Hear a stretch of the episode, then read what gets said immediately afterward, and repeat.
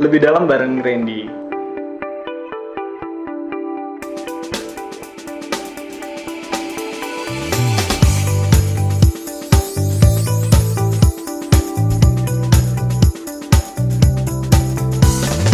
Kalau itu 15 tahun pertama usia produktifmu, super kewalahan dengan cicilan, bahaya juga kan? Katanya kan investasi rumah itu sangat sangat menguntungkan. Ya, Senin harga naik.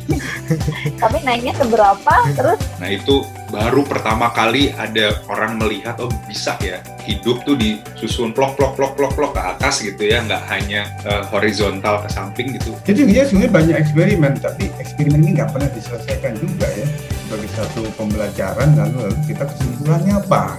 Belum lagi kalau tinggal di apartemen kalau meninggal gimana ya gitu.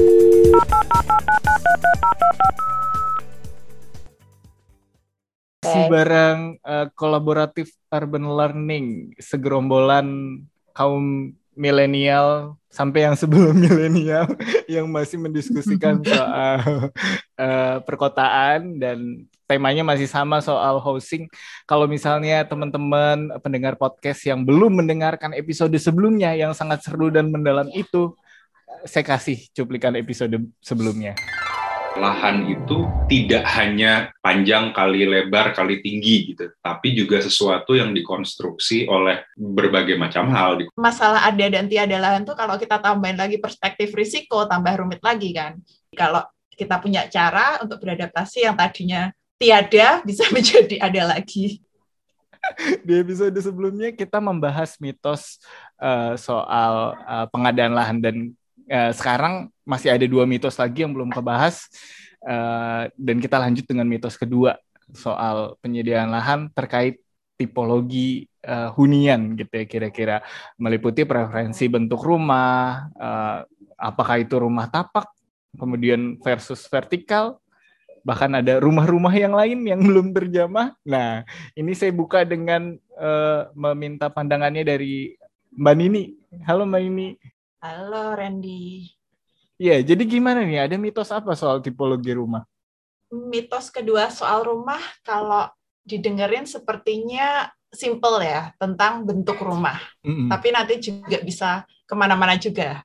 Um, kita kadang dengar narasi ini ya, preferensi rumah, bentuk rumah di Indonesia itu rumah tapak. Itu apa betul? Terus apa kita bisa bilang itu Indonesia Indonesia sebelah mana? Oh apa namanya rumah apartemen rumah susun itu nggak pas dengan budaya. Terus apa sih budaya Indonesia itu terus Rian ini surveinya sudah sampai mana-mana sempat share bahwa ada rumah-rumah tapak yang ternyata juga tidak dihuni. Ini nyambung juga okay. tadi ketika kita katanya ada ketiadaan lahan ya. Tapi sebenarnya banyak loh rumah-rumah uh, tapak misalnya di pinggiran uh, Jakarta itu yang terus kosong. Hmm. Ini kalau dari perspektif urban planning perencanaan ini kan kayak pemborosan lahan ya sebenarnya. Iya, iya. Saya stop di sini dulu deh kalau yeah. ada tambahan nih. Mungkin juga jadi paradoks juga ya bahwa ada yang tidak punya rumah tapi ada rumah hantu gitu kira-kira. uh, uh, saya saya ke uh, Zustrian dulu deh. Kalau ada data yang mau di-share soal supply demand uh, perumahan gitu? Kita tuh nggak pernah punya data, Ren. Uh, ya, ya, berapa ya. sih orang-orang hmm. punya rumah? Rata-rata orang Indonesia itu punya rumah berapa sih?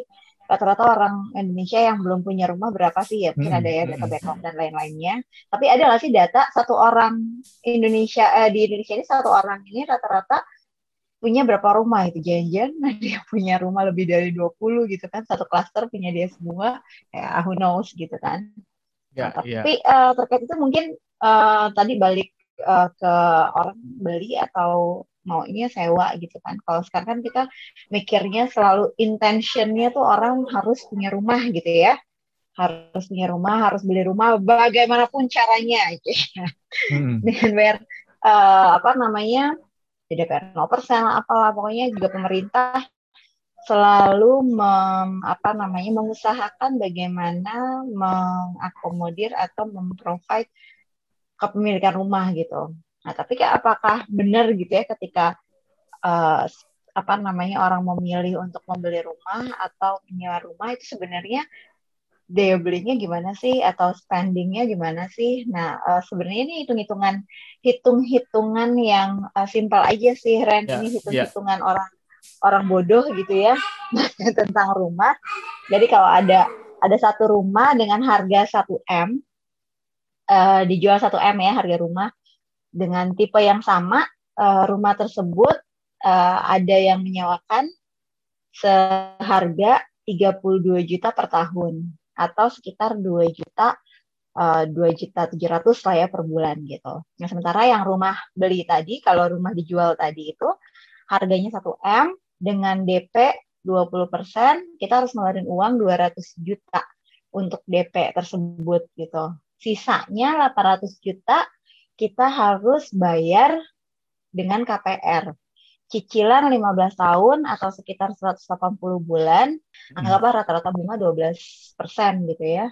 Dengan model financingnya seperti itu, mereka harus bayar cicilan rumah 1M tadi selama 15 tahun itu sekitar 7,6 juta ya yeah. satu bulan. Nah itu dari situ sebenarnya Ren pembahasan ini tuh dimulai beli rumah atau sewa rumah dengan catatan tadi katanya kan investasi rumah itu sangat sangat menguntungkan. Yeah. Kan tapi kalau misalnya mau dijual pun nanti gampang gitu kan. Ya, Senin harga ya. naik ya. Ya, Senin harga naik.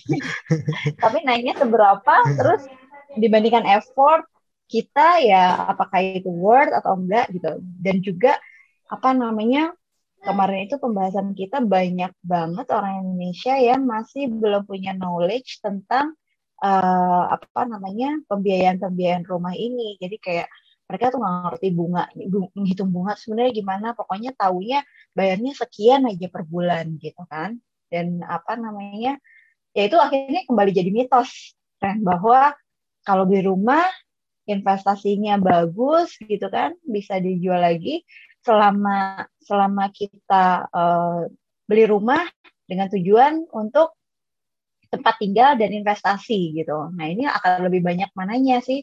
Ini jadi sebenarnya mau investasi atau mau cari tempat tinggal gitu. Kalau mau cari tempat tinggal, ya kalau selama memang belum masih masih belum cukup mampu, mampu untuk hmm. menyewa apa namanya membayar uh, cicilan ya harusnya kan ya udah sebagai tempat tinggal gitu. Tapi kalau sudah mampu berarti sudah mampu itu plus investasinya. Artinya ada tujuannya, ada tujuan lain untuk membeli rumah gitu. Nah, itu yang kadang-kadang nggak nggak dipikirkan gitu. Jadi ya pokoknya mitosnya kalau beli rumah itu termasuk investasi gitu. Padahal kesehatan juga investasi ya, giliran giliran sakit mau ke rumah sakit ya ada duit, duitnya habis buat bayar rumah. ya banyak lah cita-cita kayak okay. gitu gitu ya mungkin itu satu isu lainnya lah gitu tapi berangkat dari situ sebenarnya ya. Ren. Aku mengklar, uh, mengklarifikasi sedikit komparasi tadi antara yang beli dengan yang sewa itu dengan asumsi jenis rumah yang sama ya. Betul, Misalnya sama-sama rumah jenis tapak, rumah yang sama, luasan betul, yang sama jenis gitu ya. Yang sama dengan luasan okay. yang sama dan okay. area yang sama. Hmm. Berdasarkan harga pasar ya. Oke. Okay. Oke, artinya memang bedanya jauh banget. Tadi ya kalau jauh. misalnya di ring di ringkes sedikit gitu ya. Tadi kalau beli dia sudah harus bayar DP-nya sekitar 200 juta walaupun itu bisa mencicil yep. ditambah angsuran selama 15 tahun 7 jutaan kalau nyewa hmm. dia cukup bayar 2,7 jutaan gitu ya. Nah. Ini udah kayak sales pada moro ya aku ya. Jadi lebih prefer yang mana nih? Ya, tapi ini ini sebenarnya another things yang maksudnya mungkin orang jarang berpikir kayak gitu Ren gitu. Yeah, Karena yeah, mereka yeah. mungkin berpikirnya bahwa memiliki rumah itu adalah keharusan gitu. Iya iya iya. Padahal jadi itu intentionnya yang tadi. Padahal intentionnya mencari rumah itu untuk tempat tinggal atau untuk tempat tinggal yeah, plus yeah. investasi. Kalau untuk investasi ya dipastikan aja bahwa kita masih punya spending untuk yang lainnya selain uh, apa namanya untuk bayar rumah. Kan kalau nggak salah kalau bayar, bayar rumah itu harus 30% kan, cicilan rumah hmm. itu harus 30%.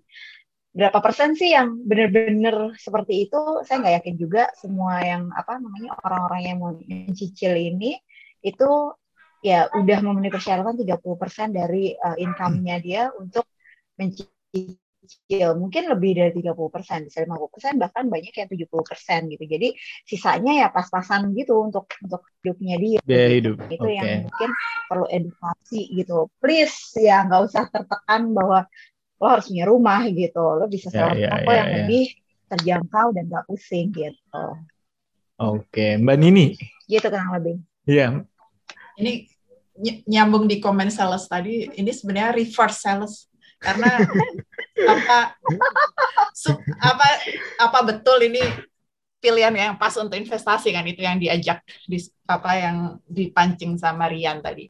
Ini saya mau tarik balik tadi ke yang di awal bahwa ini dimulai dengan bahwa apakah ini preferensi rumah, tapi kan ternyata enggak ini ternyata kepaksa situasi juga ya. Ini kan tadi kan soal nyicil rumah dan itu sungguh-sungguh ini ya memberatkan sebenarnya kan dari segi finansial. Dan ini nyambung dengan rumah-rumah hantu tadi. Uh, rumah di pinggiran Jakarta misalnya yang kalau ternyata banyak yang kosong itu ternyata yang karena kewalahan tidak sanggup untuk meneruskan. Karena teorinya tadi kan 30 persen. Mm -hmm. tapi belum tentu. Ya. kalau tapi berapa? 7 juta. Gaji 10 juta ya 70 ya jadinya ya. Iya. Tapi kalau 10 persen. Harus hmm. harusnya kalau cicilannya tujuh tujuh setengah juta berarti gajinya gajinya dua puluh dua minimal juta, banget ya. Dua puluh dua juta ya, ya. betul. Dan, baik, baik.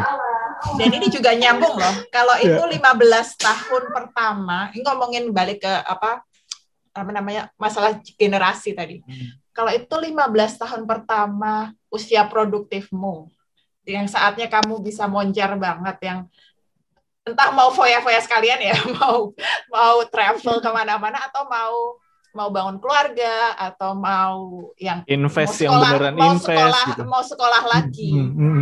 atau sekedar uh, bahwa makanku beneran sehat apa enggak ngawur Indomie tiap hari ya, hmm. ini kan meningkatkan ini kan, kualitas hidup gitu ya kualitas, ya nanti berarti kalau 15 tahun pertama uh, super kewalahan dengan cicilan 70 persen. Uh, terus pas ya. akhirnya punya rumah udah sakit, udah udah nggak happy, bisa menikmati, nggak bisa menikmati, udah nggak bisa lari-lari, nggak bisa. Uh, ini kan ini ini bahaya juga kan ke situ. Tapi terus ini kenapa kita tidak nyaman dengan hanya menyewa? Kenapa masih uh, lebih memilih rumah juga ada banyak hal ya. Kalau hak untuk uh, yang punya rumah aja.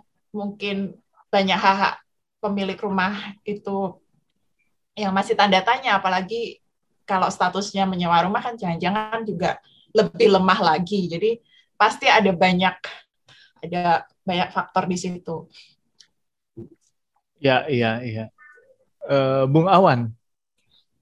Tadi mau mau mengklarifikasi juga uh, kan tadi angka-angka yang disebutkan oleh Susrian itu uh, bertumpu pada asumsi bahwa ini landed houses kan ini rumah ya, tapak. Ya, rumah kan? tapak. Hmm. Nah, jadi balik lagi tadi ke soal tipologi kan pertanyaan kita apakah benar ada mitos preferensi pada eh, rumah tapak gitu ya. Kan tadi yang mitos yang pertama sebelum ini di episode sebelum ini mitos ke, keterbatasan lahan gitu kemudian ya. dibahas. Dengan sekarang mitos eh, preferensi pada rumah tapak. Nah, saya berpikir ada setidaknya dua hal yang membuat si mitos ini ya nggak mitos-mitos amat gitu ya, ada dasarnya gitu. Yang pertama itu mungkin ya, saya nggak saya nggak hidup, saya usia saya masih 30-an itu. Cuman yang pertama itu soal ingatan kolektif mungkin kolektif uh, memoriesnya orang Indonesia bahkan penduduk Jakarta.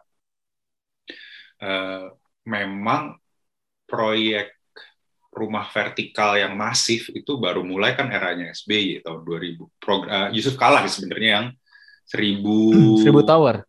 Seribu tower. Seribu tower. Nah, sebelum itu per perbincangannya konon sudah ada sejak tahun 50-an eranya Sudiro eh, apa, mantan gubernurnya Jakarta apa kakeknya Tora Sudiro nah itu eh, kemudian baru tahun 70-an, 74 kalau nggak salah, 70-an lah. Rusun pertama di Klender dibangun tuh 70-an. Nah itu baru pertama kali ada kemudian orang melihat oh bisa ya hidup tuh disusun plok plok plok plok plok ke atas gitu ya nggak hanya uh, horizontal ke samping gitu. Oh baru tahun 70-an ini kebayang tuh ya baru kebayang baru, uh, uh, dibandingkan dengan Singapura hmm. berbeda. Ada sih saya saya melihat hmm, di beberapa rumah saya nggak tahu sejarahnya sejak kapan ya karena nggak ada catatan tertulisnya. Mungkin di sekitar bantaran Kali Ciliwung itu ada rumah-rumah yang vertikal, tapi itu tidak seperti rusun yang konstruksinya tuh dibuat sedemikian rupa sehingga 20 uh, eh, rumah tangga misalkan itu terhubung jadi satu koloni lah katakanlah seperti itu. Mm-hmm. Kalau yang di Ciliwung itu dibuat vertikal karena um, menghindari banjir. Kalau lagi mm. banjir yang bawahnya di, dikosongkan, nah, mereka mengungsi ke atas itu beda eh, nalarnya. Jadi yang pertama ke, mitosnya tuh nggak mitos-mitos amat karena mungkin ya eh, ingatan kolektifnya manusia Indonesia terbatas juga ya untuk membayangkan tahun 2007 2000-an mungkin ya zamannya SBY, Yusuf Kala itu pun banyak kontroversi. Saya ingat kalau nggak salah saat itu Yan Farid pernah nawarin bikin rusun di tengah sungai itu yang absurd banget itu. Oh iya, era itu ya pernah ada era itu ya. Ada era itu kan yang ini baru nggak sampai dua dekade yang lalu gitu uh, muncul uh, ada kategori rumah dan perumahan sebagai dua hal yang berbeda. Rumah rumah bisa bisa landed, bisa vertikal, bisa berbentuk kandang atau apa. Tapi kalau perumahan sebagai proses itu sejarahnya lumayan baru di ingatan bangsa Indonesia. Bahkan misalkan perumnas-perumnas buatan pemerintah itu dari dulu semuanya mayoritas landed horizontal ya perumahannya ya. PU perhu, di, apa ada kan sampai sekarang masih ada kompleks perhubungan atau kompleks PU ya semuanya loker gitu ya horizontal gitu ya. Baru ada ada ada belajar mengingat oh bisa itu tahun 2000-an dan mungkin agak kaget tadi gegar. Oh tiba-tiba loncat. Ini kemudian nanti gimana cara hidup di, di dunia yang baru ini? Kan tidak hanya pindah rumah tapi juga kosmologinya berubah total gitu. Nah dan ini nyambung ke yang kedua kenapa nggak mitos-mitos amat juga karena kan kalau rumah eh, tapak itu bisa memiliki lahan ya, dan itu kemudian bisa ditransaksikan kembali. Sementara kalau rumah yang eh, rumah susun itu kan hanya hak guna bangunan ya, eh, tidak tidak memiliki si tanah. Ya, silahannya itu. Hmm. Ya. jadi tidak akan pernah punya sertifikat hak milik lah katakan kalau nggak salah. Atau bisa? Satuan rumah susun namanya uh, hak atas satuan rumah susun. Jadi si unitnya aja tapi masih bisa di transaksikan. di transaksikan ya tapi ya nggak tapi tanah gitu. Betul jadi minus lahan gitu minus tanah. Nah makanya mungkin dari situ ada eh, penyokong kenapa mitos ini jadi nyata karena ada ada ada imajinasi ada hayalan ya toh tanahnya nggak bisa saya miliki gitu. Eh, yang saya bisa transaksikan mungkin hanya bangunannya. Jadi mungkin itu sih dua hal itu yang kemudian membuat si mitos ini mitos preferensi pada rumah tapak itu mungkin nggak mitos-mitos amat gitu. Ya, ya, ya. Gak mitos-mitos amat ya, karena imajinasi soal yang tadi vertikal itu okay. datang baru-baru ini. Bung Kemal sebagai pelaku sejarah. Loh lintas generasi gitu ya. Kita coba dengerin nih. Kalau cerita sejarah tuh ngomongin Klender itu saya dulu terlibat itu. Klender itu dulu itu eksperimen. Betul Jadi, betul, betul. Uh, karena itu ada sederet kan itu setiap unit deretan itu beda teknologi Hmm. Jadi itu di, di, di eksperimen, di tes. Kalau uh, zaman itu ada beberapa perusahaan luar. Saya waktu itu kerja yang mewakili Toyomenka, Jepang. Hmm. Toyo Menka punya modul begini katanya. Lalu ada grup lain lagi saya lupa ya. Mitsubishi atau apa gitu bikin lagi. Jadi waktu itu mau di, dievaluasi mana konstruksi yang paling layak, murah dan sebagainya. Tapi ya cuma satu event itu aja nanti ganti ganti apa ganti menteri ganti government lalu ya berhenti aja. Tapi itu kejadian pertama itu jadi itu eksperimen semuanya. Lalu yang sedikit eksperimen juga mungkin ngomong begitu sama teman saya nih Pak Ayu ini. Pulau Mas yang pertama kali juga ada eksperimen itu. Jadi ya sebenarnya banyak eksperimen Tanah Abang, Pulau Mas, Tanah Abang, lalu kalender gitu. Tapi eksperimen ini nggak pernah diselesaikan juga ya sebagai satu pembelajaran lalu lalu kita kesimpulannya hmm. apa gitu kan? Ya. penghuninya gimana gitu ya preferensinya gimana dia apa seneng apa cocok apa nggak ada itu ya. Jadi ya ya disayangkan aja gitu ya. Karena juga kalau ingat zaman saya sekolah dulu itu pelajaran housing itu cuma satu semester. Semester. Jadi kita tidak punya apa sekolah housing kalau kalau di hmm. Belanda kan ada apa IHS ya itu kan yeah. khusus mengenai housing dengan segala macam keterkaitannya gitu kan kalau kita segala macam keterkaitan lalu di situ ada housing selalu di, selalu dikaitkan nih Pak. Gak ada yang ya, yang sementara ya, nah, makanya gitu di episode sebelumnya ada guyonan tuh kan yang mungkin saya ulang sedikit ya. Eh, terus ini cerita gitu di di Australia sebelah utara gitu, Jim Cook bilang ini kita biarpun ini negara di belahan selatan, tapi kami ngerti loh apa namanya perencanaan tropis gitu kan. Lalu saya joke gitu eh saya di negara tropis loh, tapi saya bisa bikin perencanaannya negara barat loh. jadi kalau di di di di Amerika, nanti saya jadi ngomong ke Amerika nih kan, lebih sok tahu gitu kan. Itu memang ada desakan untuk eh, apa namanya urban boundaries. Jadi mendefinisikan wilayah urban itu ada di dalam konsep pikiran dia gitu ya. Jadi di luar urban boundaries itu tidak boleh ada bangunan. Itu satu persis di Portland begitu ya. Sehingga sehingga lalu ini jalan gitu ya. Sebelah kanan ini urban, seberangnya itu eh, non urban. Jadi sebelah kirinya itu uh, ladang gitu ya. Enggak bukan sawah ya, jadi pertanian gitu. Lalu sebelah kanannya itu rumah-rumah.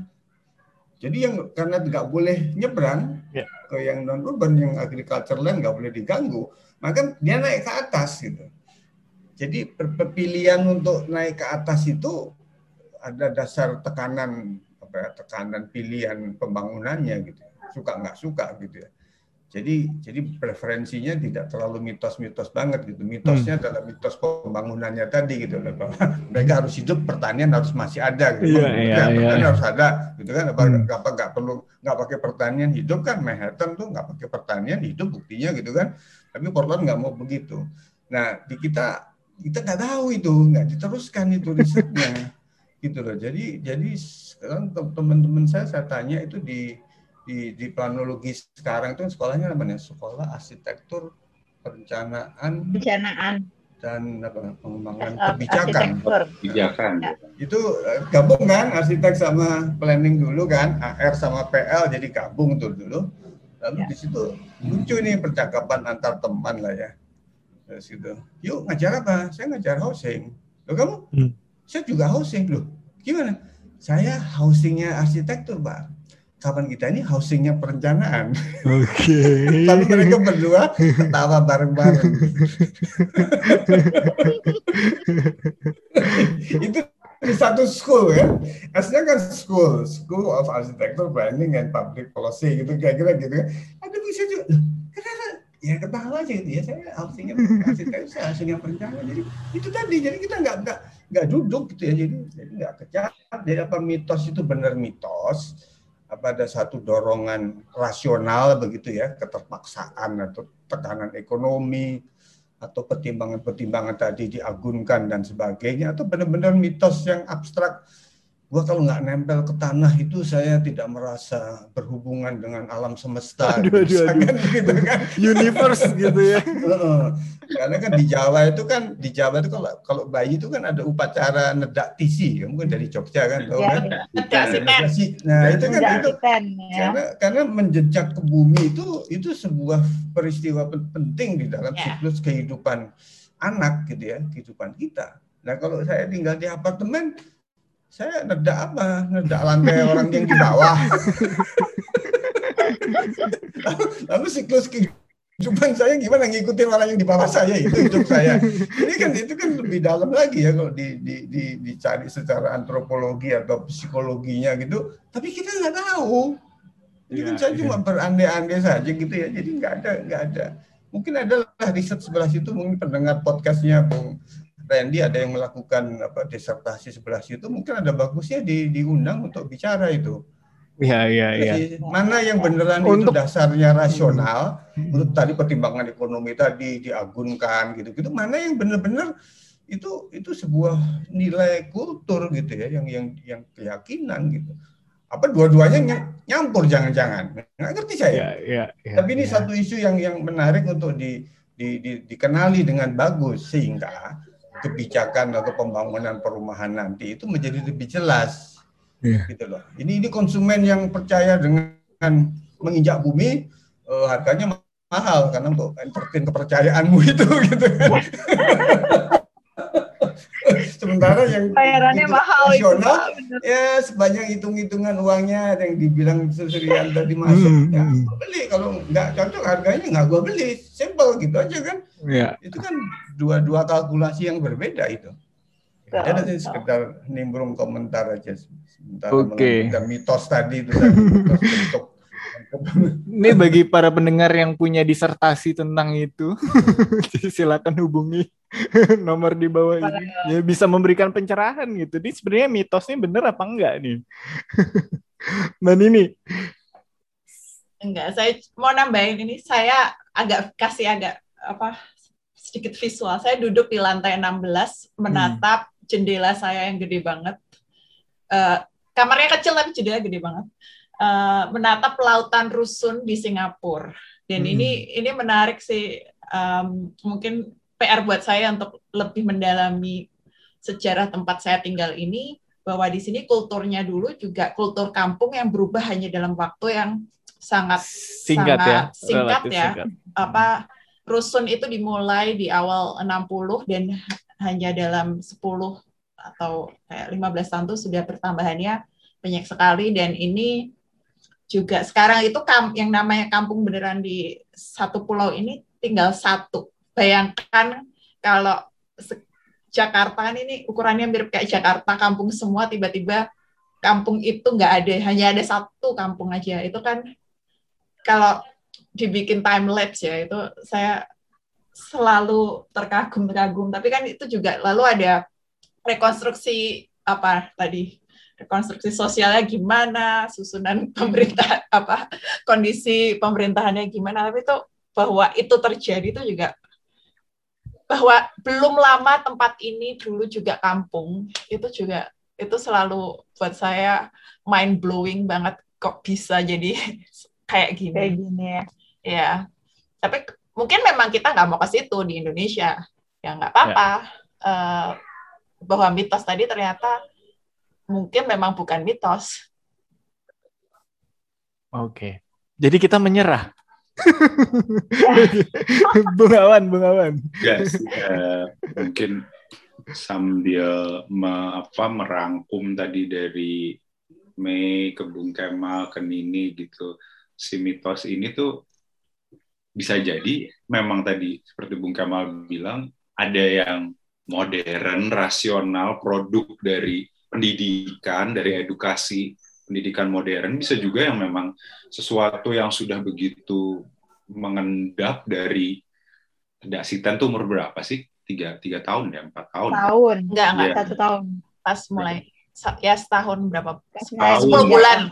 Ya. ya dari yang dari yang usia sangat dini gitu udah begitu mengendap dan kita atau orang-orang yang melakukan ritual tersebut ya sudah menerima itu sebagai dunia dia gitu. Hidupnya memang seperti itu dan itu layak untuk diapresiasi juga layak nggak nggak harus dicerabut begitu saja gitu. Mungkin uh, mungkin ini juga layak ya untuk di di di satu sisi dikembalikan ke ke sekolah perencanaan sekolah arsitektur dan perencanaan tuh akar budayanya tuh apa sih gitu. Dan supaya nggak bener-bener langsung babat ini bikin uh, rusun gitu.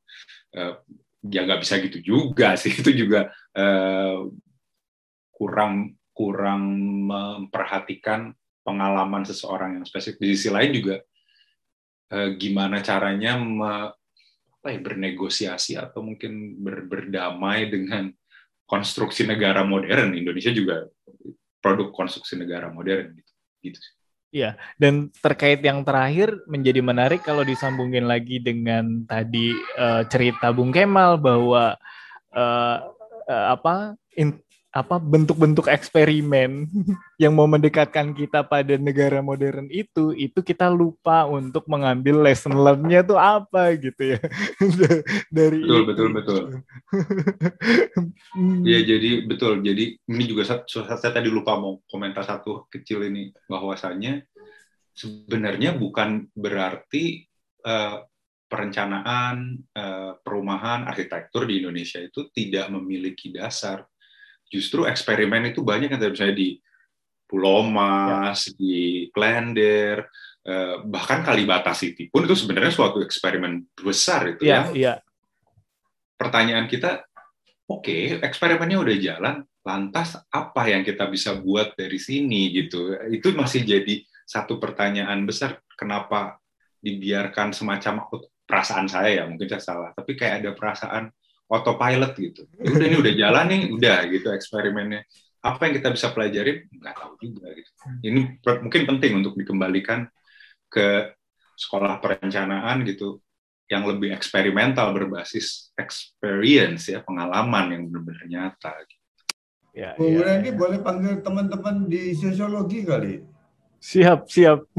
Karena mungkin ya, mungkin teman-teman di sosiologi yang saya tahu ya ada Pak Paulus Wirutomo, ada Bu uh, siapa itu namanya, itu dia juga mungkin di saat ini mungkin ya nggak tahu, tapi mereka tidak bercakap-cakap itu. Iya, iya. fisip fisip sosiologi UI dengan dengan apa namanya Fakultas Teknik atau dengan ITS atau dengan UGM UTB nggak nggak ada percakapan sehingga putus saja gitu ya sehingga ini nggak pernah menjadi satu saling memberi masukan tapi mungkin perlu dicek nih Ya, ya, berikutnya ya. di, di di kelompok kami sendiri kolaboratif open learning ini ada antropolog, ada arsitek yang belajar antropologi, juga ada yang belajar ilmu sosial juga. Jadi mungkin berikutnya saya sendiri tidak mendalami itu cuma mungkin menarik untuk kita. Mungkin kita sudah sudah ada juga, nggak nol nol banget gitu. Cuma nggak pernah nggak pernah ya. dipertemukan kayak begini gitu. Sehingga terjadilah mitos, oh belum ada nih. Kita nggak punya pengetahuannya kayak nggak punya lahan tadi gitu ya. Iya iya iya. Cuman saling tidak tahu aja. Iya, iya, wah kita iya. nggak punya ini pengetahuannya. Ada gitu. Cuma nggak nggak tahu aja cara kita menemukannya. Jadi barangkali percakapan ini saya jadi terpikir kita cobalah kali kita undang kita sengaja cari gitu untuk iya iya. Menarik menarik. Saya siap teori, menjadi tuan rumah.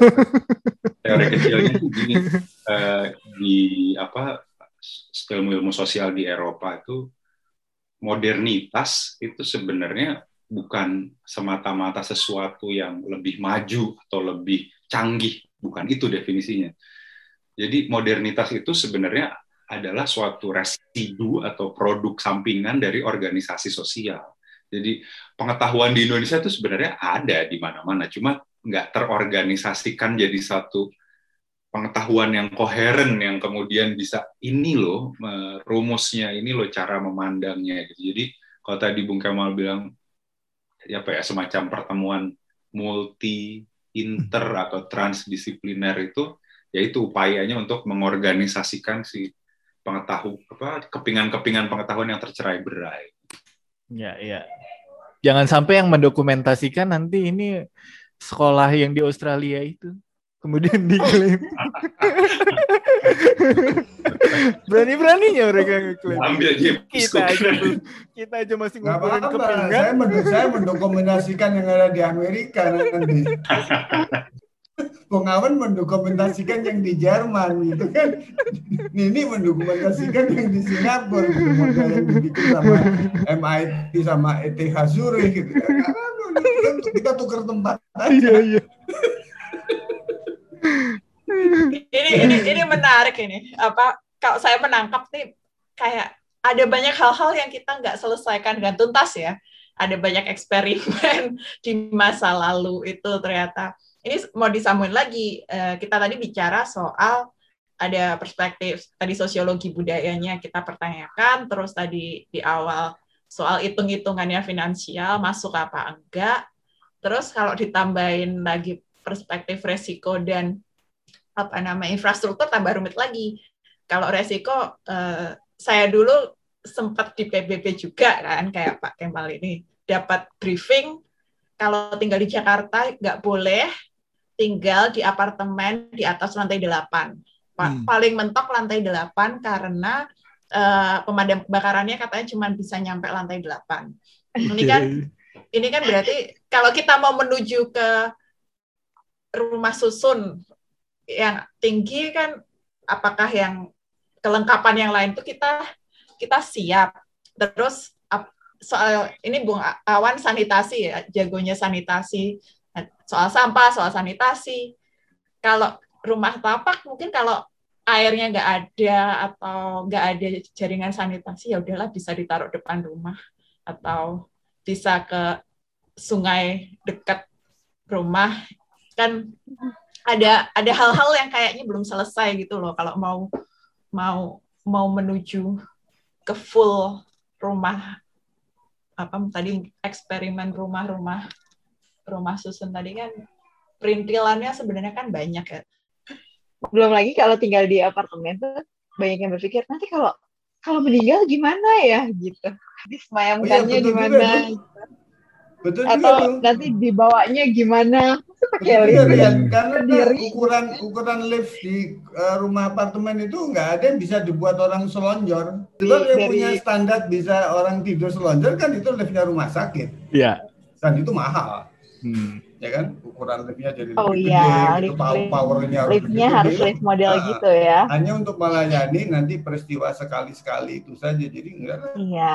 Yang standar iya. ini aja nanti. Jadi ya. apa endingnya dari perbincangan ini tuh justru nggak menutup gitu ya, tapi malah membuka ruang-ruang pertanyaan baru tuh keren. Jadi kita masih mempertanyakan, loh nanti kalau oke okay, ada transisi ke rumah uh, susun vertikal tapi nanti sanitasinya gimana sampai meninggal dunia gimana gitu ya satu siklus hidup ya kan hal-hal perintilannya tuh banyak gitu kan untuk hmm. untuk supaya kita nyaman menuju ke yang katanya apa modern itu atau perlu menuju ke situ katanya hmm. Jadi ini masih berupa mitos ya karena masih katanya-katanya. Jadi kita tidak memberikan kesimpulan dulu ya. Ini mengulang tadi ya bahwa kita nggak menuntaskan. Iya. ya, betul. Dari tahun 70-an ala kalender. Supaya podcastnya tetap selalu ada ya, jadi kita oh, tidak ya. tuntaskan. Oh, tamat nanti. Kita memberikan, kita memberikan konten, Ren. Oh gitu ya. Terima kasih loh. Oke, ini uh, mitos kedua juga harus saya tutup di episode ini. Kita masih ada satu mitos terakhir terkait perumahan di episode berikutnya yaitu mitos tentang perencanaan dan juga pendanaan perumahan. Yang tertarik jangan lupa uh, dengerin podcast lebih dalam di episode berikutnya. Dadah. Dadah. Dadah.